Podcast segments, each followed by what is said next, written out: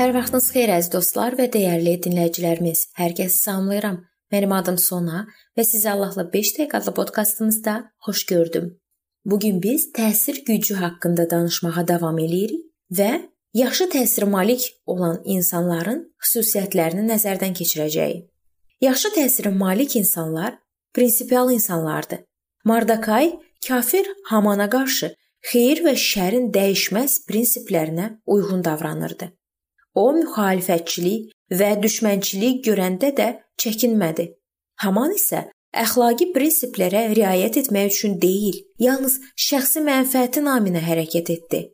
Şəxsi həyatımızda yaxşı təsir İsa Məsihin qurbanı olan imanımıza cavab olaraq Allahın ruhu ilə yenidən doğulmaqla başlayır və sonra həqiqət prinsiplərinə sadiq qalmaq şərti ilə davam edir həmyaşıdlarının mənfi təsirinə məruz qaldıqda prinsipial imanlı insanlar öz valideynlərinin, imanlar cəmiyyəti xadimlərinin və ya Allahın təyin etdiyi digər səlahiyyətlərinin iman ruhunda yaşamağa davam edirlər.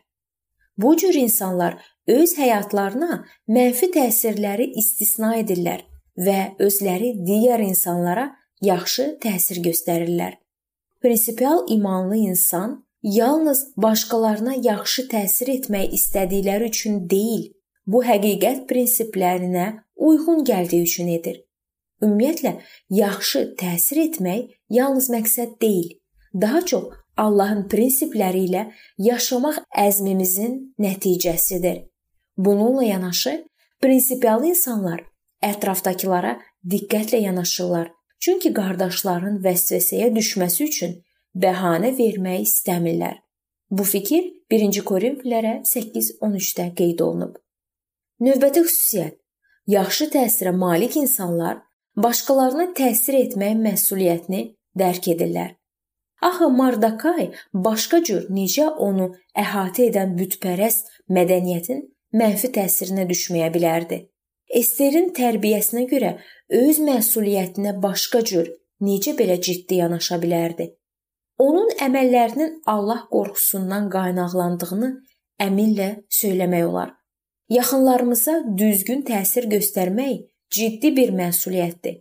Əgər mən öz ərimə və ya arvadıma, uşağıma, şagirdimə, qardaşıma və ya qonşuma yaxşı təsir göstərməsəm, bəs onda bunu kim edəcək? Hətta başqalarının onlara müsbət təsiri olsa belə, mənim yaxşı təsirimin olmaması onlara mənfi təsir göstərməyəcəkmi? Növbəti xüsusiyyət yaxşı təsiri malik insanlar həmişə öz yaxınları üçün yalnız yaxşılıq istəyirlər. Mardakayın Esterin qayğısına qalması onun haqqında hal-əhval öyrənmək üçün tez-tez padşahın sarayına gəlişindən aydın görünür onun Allahın seçilmiş xalqının rifahı qayğısına qalması, öz xalqının yaxınlaşan faciəsindən kədərlənməsindən və Esterə necə davranacağını diqqətlə göstərməsindən aydın görünür. Haman isə əksinə öz mənfəətindən çıxış edirdi və bu bir çox insanın ölümü demək olması onu narahat etmirdi. Ətrafımızdakı insanlara yalnız yaxşılıq diləmək çox fədakarlıq tələb etmir.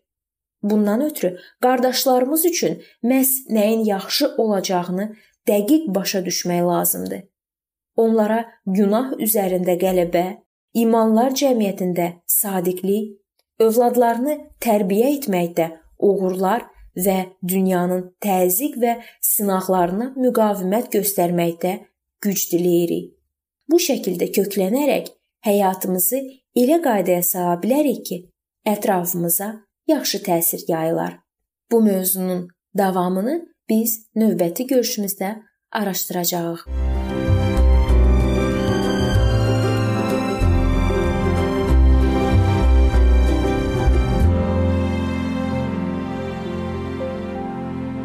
Beləliklə əziz dostlar, bu yerdə bu mövzu sona çatdı. Hər zaman olduğu kimi sizi dəvət edirəm ki, Bizim podkastlarımızı Facebook səhifəmizdən və YouTube kanalımızdan dinləməyə davam eləyəsiniz. İndi isə mən sizinlə sağollaşıram və növbəti görüşlərdə görmək ümidi ilə sağ olun, salamat qalın.